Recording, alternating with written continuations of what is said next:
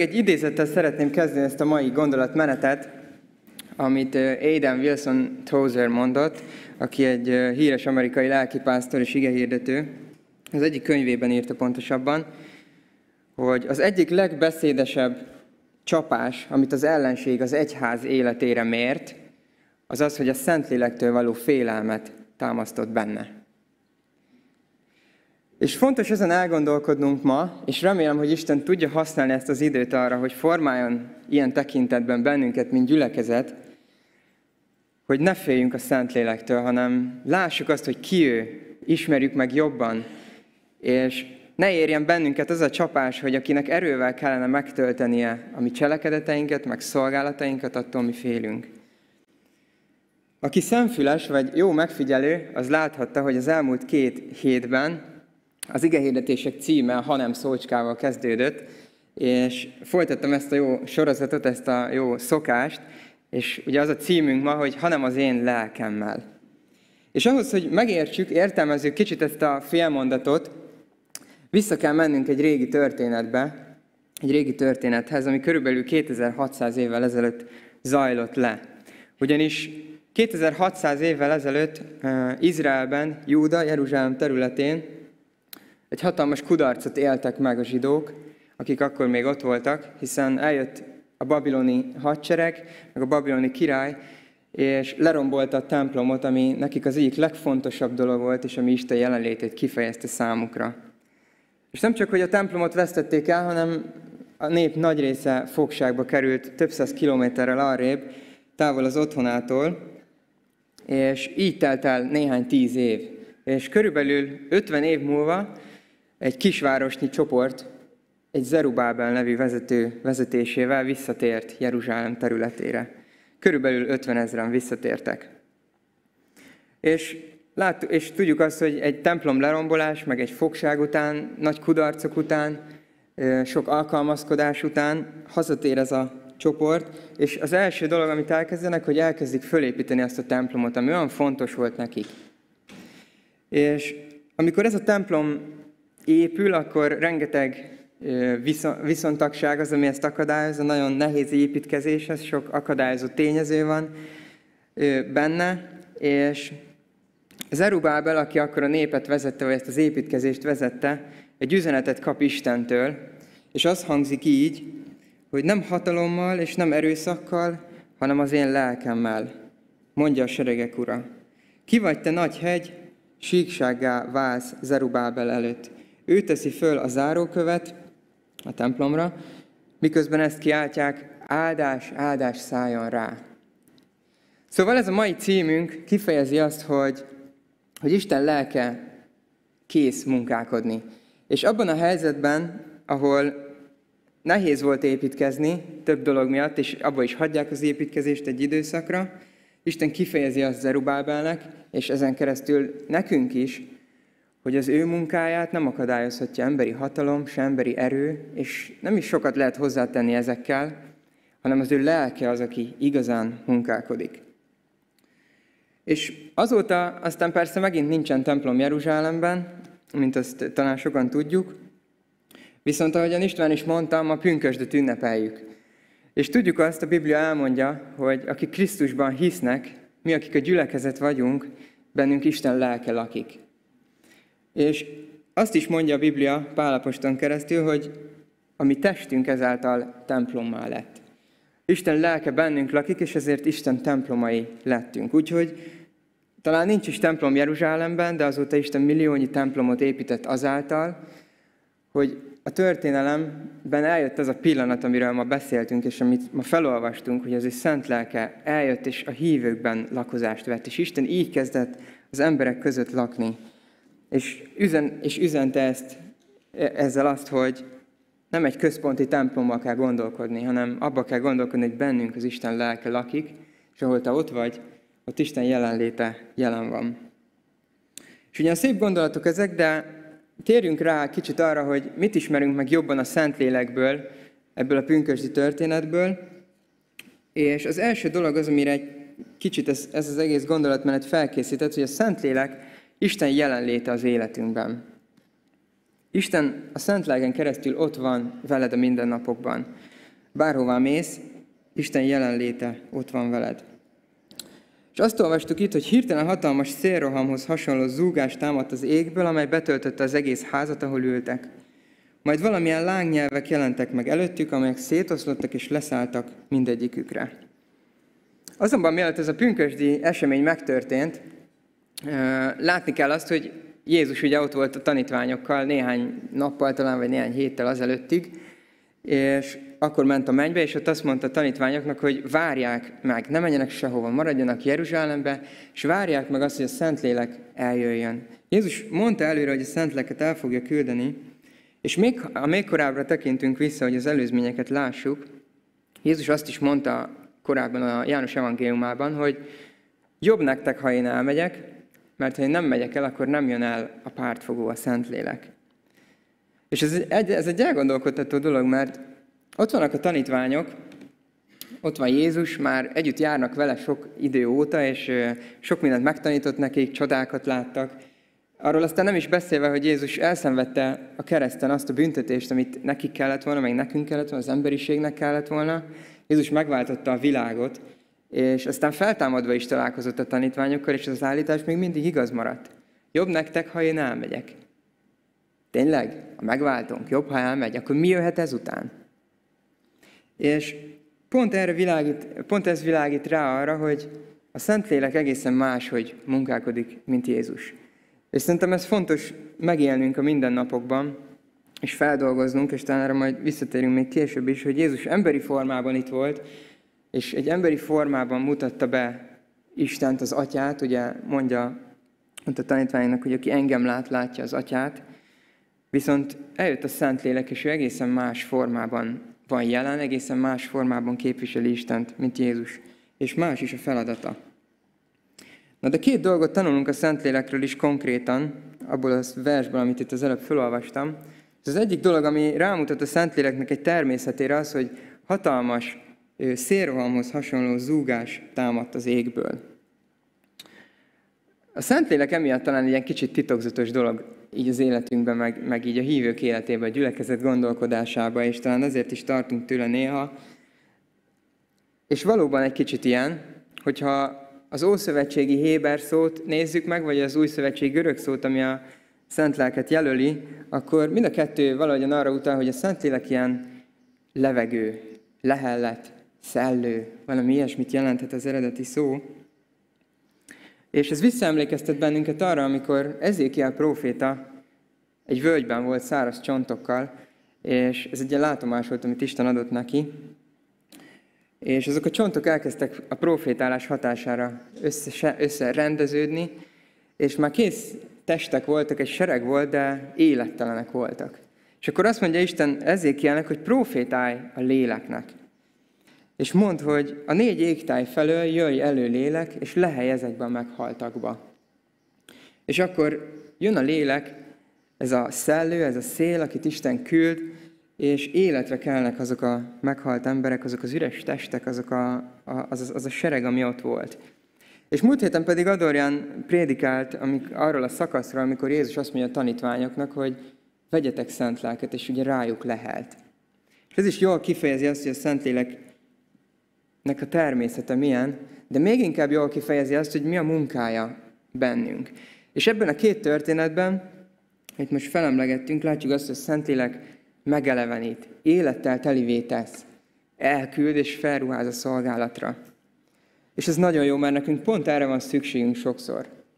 Amikor úgy érzed, hogy kiégtél, vagy elcsüggettél a szolgálatba, a hívő életbe, a lelkesedésbe, az Istennel járásba, akkor arra van szükség, hogy a Szentlélek felébrezgessen kicsit, hogy felelevenítsen igazából, hogy életet leheljen beléd újra. És a másik dolog pedig, amit látunk ebben a felolvasott versben, amit az előbb olvastam, hogy, hogy valamilyen lángnyelvek jelentek meg, és leszálltak mindegyikükre, vagy szétosztottak és leszálltak mindegyikükre, és ez pedig visszautal kicsit Istennek a jelenlétére, ugye, amiről ebben a gondolatban beszélünk is. Amikor a pusztából, a pusztában vándorolt a nép, és kapta a tíz parancsolatot, meg a törvényt, meg a kijelentés sátrát építették, akkor Mózes úgy találkozott Istennel a hegyen, hogy azt olvassuk, hogy ez a hegy teli volt így füstel, és hogy, hogy egy ilyen láng, lángszerű képben jelent meg Isten, vagy Isten dicsősége Mózesnek, és így beszélt vele. És tudjuk azt is, hogy végig a vándorlás alatt egy tűzoszlopként, felhő és tűzoszlopként kísérte Isten, vezette Isten a népet. És valahogyan a tűz mindig kifejezi Istennek a jelenlétét és munkálkodását ilyen módon a Bibliában. És nagyon jó látni ezt pünköskor is, hogy említi ezt, hogy lángnyelvek jelentek meg, szétosztottak és leszálltak mindannyiukra. Isten szétosztotta ezt jelenlétét, és mindegyikükben lakozást vett. És Isten abban az ószövetségi időszakban ilyen tűz formájában volt jelen, hogy aztán eljött egy idő, amikor Jézus személyében emberi formában volt jelen, vagy jelent meg sokszor, és most pedig azt látjuk, hogy valamilyen isteni formában lett jelen bennünk. Tehát, hogy belénk költözött, és nem az van, hogy velünk jár valaki, aki Isten maga, hanem itt van bennünk valaki, aki Isten maga.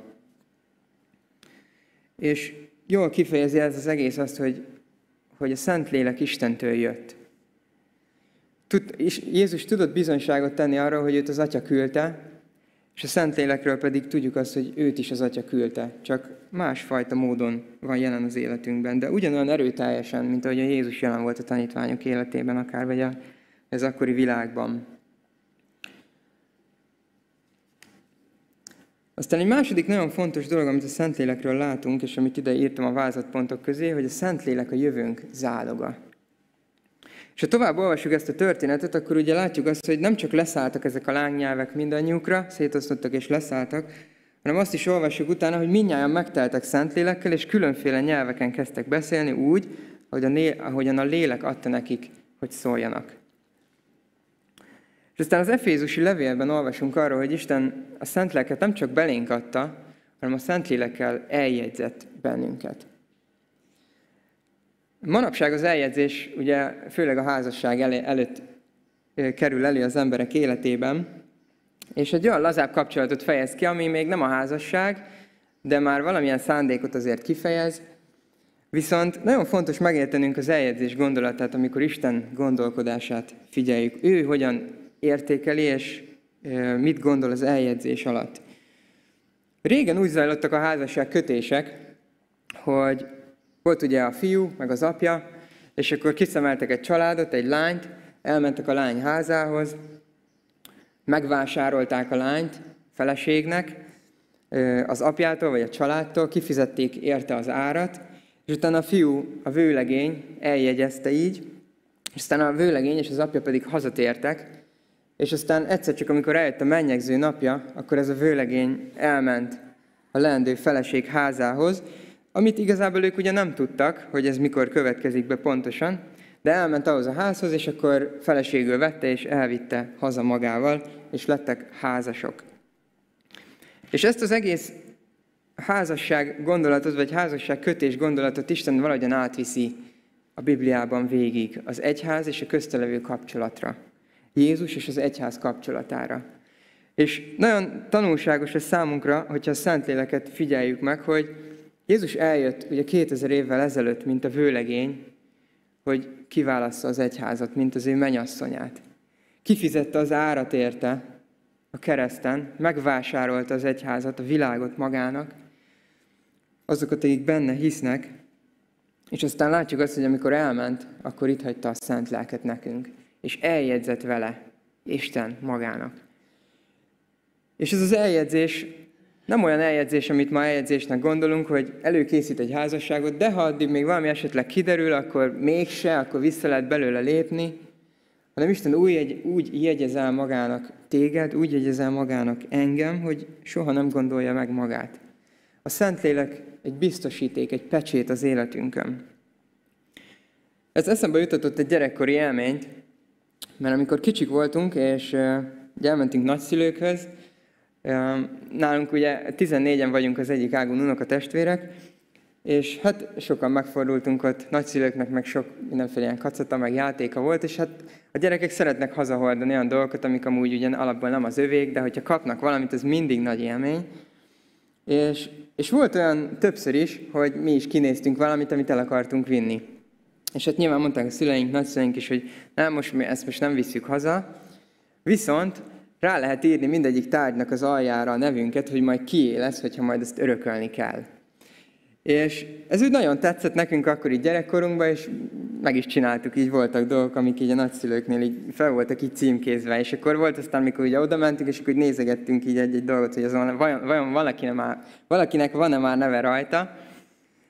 Aztán nyilván valamit abból aztán elhoztunk, már most, valamit még nem, eh, vagy már nem is emlékszünk rá, de ez a dolog nagyon jól kifejezi azt, hogy a Isten gondolkodik rólunk. Hogy most nem akar még elvinni bennünket, viszont a Szent Lelket adta belénk, aki ez a kis cetli rajtunk.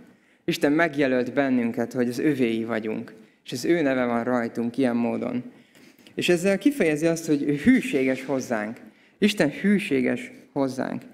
Nem csak egy ígéretet tett, amikor Jézus elment, nem csak azt mondta el, hogy majd eljövök, várjatok rám, hanem a Szentlélekkel megerősítette ezt az eljegyzést, vagy ezt a kapcsolatot, ezt a szándékot, hogy igenis magához akar kötni bennünket. Aztán egy másik dolog, ami, ami az eljegyzést így jellemzi, az, hogy Isten ezáltal biztonságot is ad nekünk. Azt mondja Jézus, hogy elküldi a pártfogót, aki örökké veletek lesz. És az örökké az örökké. A Szentlélek soha nem távozik el tőlünk, hanem bennünk él és emlékeztet bennünket arra, hogy mi Istenhez tartozunk. És fontos ma a biztonság, azt gondolom, mert ha arról gondolkodunk, hogy mi van körülöttünk, akkor a biztonság szerintem egy fontos tényező azoknak is, akik Istentől távol élnek, és azt mondják, hogy esetleg családjuk van, és nagyon érdekes, hogy tegnap például voltam egy osztálytalálkozón, és ott is voltak olyan osztálytársak, akiknek azóta születtek gyerekei, meg akiknek, meg nyilván olyanok is, akiknek még nem. És egészen máshogy kezd, kezdtünk beszélgetni a munkákról, meg munkahelyváltásokról azokkal, akiknek van gyerekük, és a biztonság lett az elsődleges szempont, hogy, hogy milyen az, hogy a családot biztonságba tudjam egzisztenciálisan, vagy bármi más szempontból, és ugye egészen máshogy állnak ez a kérdés azok, akik meg úgy egyedül vannak, és még könnyen mozdulnak. Szóval a biztonság egy fontos tényező nekünk, és, és látjuk azt is, hogy a félelem valahogyan megbénít, a biztonság pedig lehetőséget ad, vagy felszabadít a cselekvésre. És ugye ennek a vázatpontnak az a cím, hogy a Szentlélek a jövőnk záloga. És hogyha arról gondolkodunk, hogy Isten hűségét fejezi ki felénk a Szentlélek által, és biztonságba helyezett bennünket az örökké valóság szempontjából, akkor ez kell, hogy eszünkbe jusson, hogy biztos a jövőnk. Hogy ami előttünk van, amiatt nem kell aggódnunk akár itt a fizikai világban, de főleg a lelki világban, a lelki életünkben, az, hogy mi lesz, amikor meghalunk. Vajon biztonságban vagyunk? Az Istennel fogjuk tölteni az örökké valóságot? Mi fog történni azután? Emiatt nem kell aggódnunk, mert Isten a szent lelket helyezte belénk, aki biztonságot ad nekünk. És nem kell többé bizonytalankodnunk, mert tudjuk azt, hogy Jézus azért jött el, hogy hogy az övévé, az övéivé tegyen bennünket. És ha esetleg van olyan, akinek még ez nincs ott az életében, ez a bizonyosság, vagy ez a biztonság, akkor ez a mai alkalom is jó lehetőség arra, hogy felismerjük, hogy mennyire nagy szükségünk van arra a megváltásra, amit Jézus szerzett, és mennyire nagy szükségünk van arra a szent lélekre, akit tőle kaphatunk meg a megtérés után. Jézusnak a munkája újra és újra emlékeztet bennünket arra, és ma is fog részletesebben is, hogy nem boldogultunk a bűnökkel, nem boldogultunk a saját természetünkkel, és nem tudtunk olyan életet élni, ami Istennek tetszik. Isten kegyelmére vagyunk szorulva, és arra, hogy valaki kifizesse a büntetést, amit mi érdemeltünk. És Jézus volt az, aki ezt a megváltást megszerezte nekünk, és aki örök életet tud adni nekünk, és aki örökké magához kapcsol bennünket a Szent Lelke által. Úgyhogy biztos jövőnk van Istennél, és ebben a Szentlélek erősít meg bennünket naponta. És aztán egy utolsó dolgot szeretnék még fölhozni majd ebből a szakaszból, és szeretném, hogy e, talán ez volt a legnehezebben felolvasható része ennek a szakasznak, de szeretném, hogy, hogy gondolkodjunk el egy kicsit ezen, és, és élvezzük ki azt, amit olvasunk. Ugyanis ebben a szakaszban láttuk azt, hogy eljött a Szentlélek, kitöltött a tanítványokra, ők elkezdtek szolgálni, elkezdtek nyelveken beszélni, úgyhogy mindenki értette őket.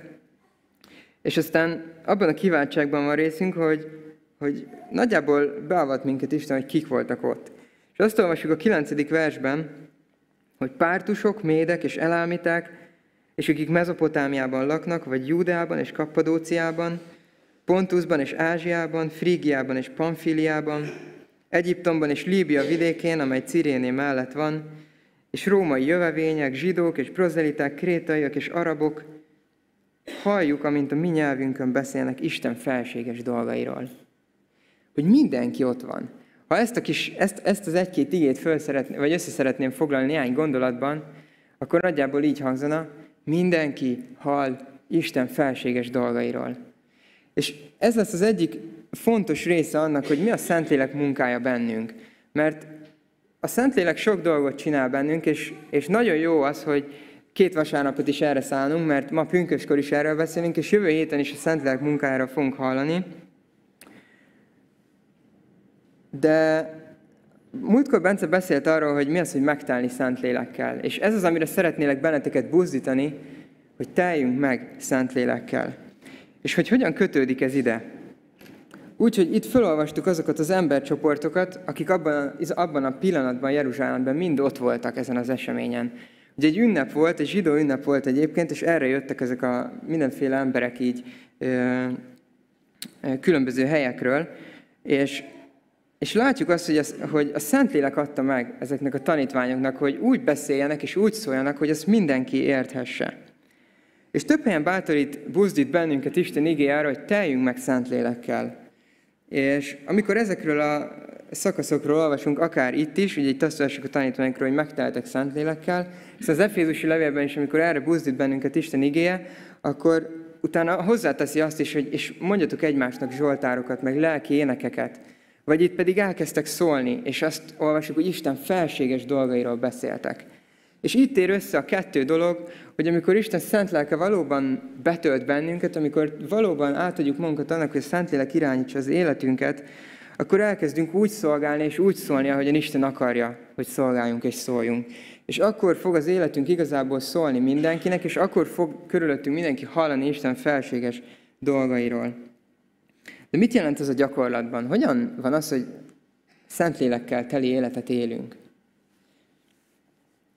Ezt talán kifejezte ezzel a kakaós példával, de egészen gyakorlatilag azt gondolom, hogy úgy tudjuk azt elérni, vagy azzal élni, hogy Isten szent lelke betöltsön bennünket, hogy nap mint nap kifejezzük felé azt, hogy, hogy készek vagyunk engedelmeskedni neki.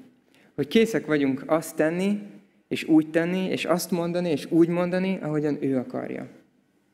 És ez egy nagyon komoly elköteleződést vár tőlünk minden nap, vagy akár naponta többször is. Viszont ez az a pillanat, amikor Isten valóban tud használni bennünket, és amikor talán nem pártusok, meg médek és elámíták vannak körülöttünk, vagy nem, nem tudom, prozeliták, meg zsidók, vagy krétaiak, hanem kollégák, meg osztálytársak, meg sporttársak, meg csoporttársak, meg csapattársak. Viszont Isten szent lelke ott van velünk, és kész arra, hogy azt mondassa velünk, és azt ö, csináltassa velünk, ami, ami, ami által beszélni, beszélni fog az életünk. És talán ez a legfőbb jellemzője annak, amikor a Szentlélek betölt bennünket, hogy az életünk egy ilyen beszélő életté válik. És ugye az elején olvastam azt az, azt az idézetet Tózertől, és ami arra késztet bennünket, hogy vizsgáljuk meg a szívünket, hogy mi vajon, hogyan viszonyulunk a Szentlélekhez, hogyan tudunk élni vele, hogyan élünk vele mostanában is, hiszen ott van mindannyiunkban, akik Krisztusban vagyunk. És ugye Tózer azt mondta, hogy a sátánnak az a legfőbb csapása talán az egyházon, hogy elhiteti velünk azt, hogy a Szentlélektől félni kell. És valóban látjuk azt, hogy vannak olyan karizmatikus mozgalmak, meg olyan egyéb tév tanítások, amelyek valóban rossz hírét keltik a Szentléleknek. Viszont szeretném, hogy a szívünkbe írja Isten ma azt, hogy a Szentlélek jó dolgokat cselekszik. Azt olvassuk a római levélben, hogy a Szentlélek, a lélek törekvése, élet és békesség. És látnunk kell azt, hogy Isten arra hív bennünket, hogy ezt vigyük a világba. Ezt vigyük a meghaltak közé, ezt vigyük a száraz csontok völgyébe. Az életet és a békességet, azáltal, hogy Isten belénk helyezi. Hogy kérjük Istent és az ő szent lelkét, hogy töltsön be bennünket, és élet fakadhasson mindabból, amit cselekszünk és bizonyságtétel lehessen minden szó, minden tett, amit élünk az emberek előtt. Hiszen nagyon jó volt látni azt, ahogyan ez a pünkösdi történet megtörténik, és már nem olvastuk tovább a szakaszt, de utána Péter ige hirdetésére megtérnek több ezeren, és több ezer embert bemerítenek. Üdvösség fakad abból, hogyha mi gyülekezetként, ha mi hívőként készek vagyunk kifejezni Isten felől, hogy engedelmeskedni akarunk, és vágyunk arra, hogy az ő szent lelke betöltsön bennünket. Úgyhogy bátorítalak benneteket, hogy, hogy imádkozzunk ezért, hogy csendesedjünk most el, és kérjük Istent arra, hogy bizony az ő szent lelkét hagyjuk irányítani az életünkben, hagyjuk, hogy vezéreljen bennünket. Ugye azt olvasjuk, hogy az Isten fiait a szent lélek vezérli. És aki pedig még nem tért meg, aki nem hozott olyan döntést, hogy szeretné az, hogy az élete biztonságban legyen Jézussal, és elfogadja azt a váltság munkát, amit ő végzett értünk, akkor arra is van lehetőség ma. Úgyhogy csendesedjünk el, imádkozzunk, egy pici időt fogok hagyni, és aztán befejezem én hangosan.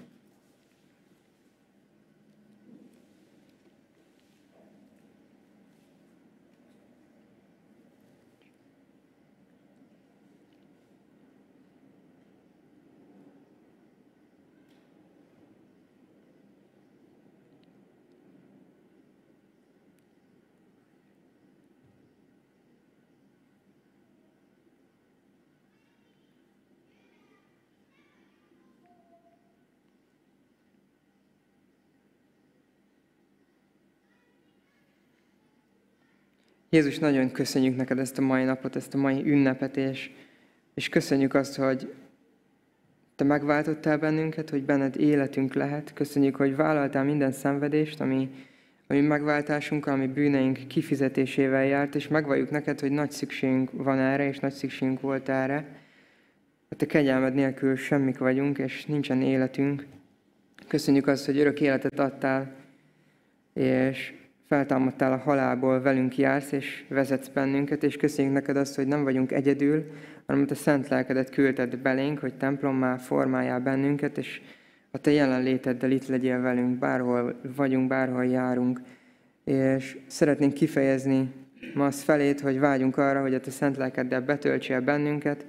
Szeretnénk készíteni a szívünket most is, ma is, holnap is, egész héten, hogy, hogy a mi cselekedeteink, a mi szavaink, mind rólad beszélhessenek, és a te felséges dolgaidról. Köszönjük azt, hogy Úr és király vagy, és a te királyságodba tartozhatunk. Kérünk azért, hogy, hogy hadd tudjon bizonyság lenni az életünk, hadd, fakasson, hadd fakadhasson a mi tetteinkből, az életünkből élet, hívj a mi életünkön keresztül másokat a te evangéliumod megismerésére. Kérünk azért, hogy használd a következő hetet is mindannyiunknak, akárhol vagyunk erre. Ezt kérjük a Te nevedben. Amen.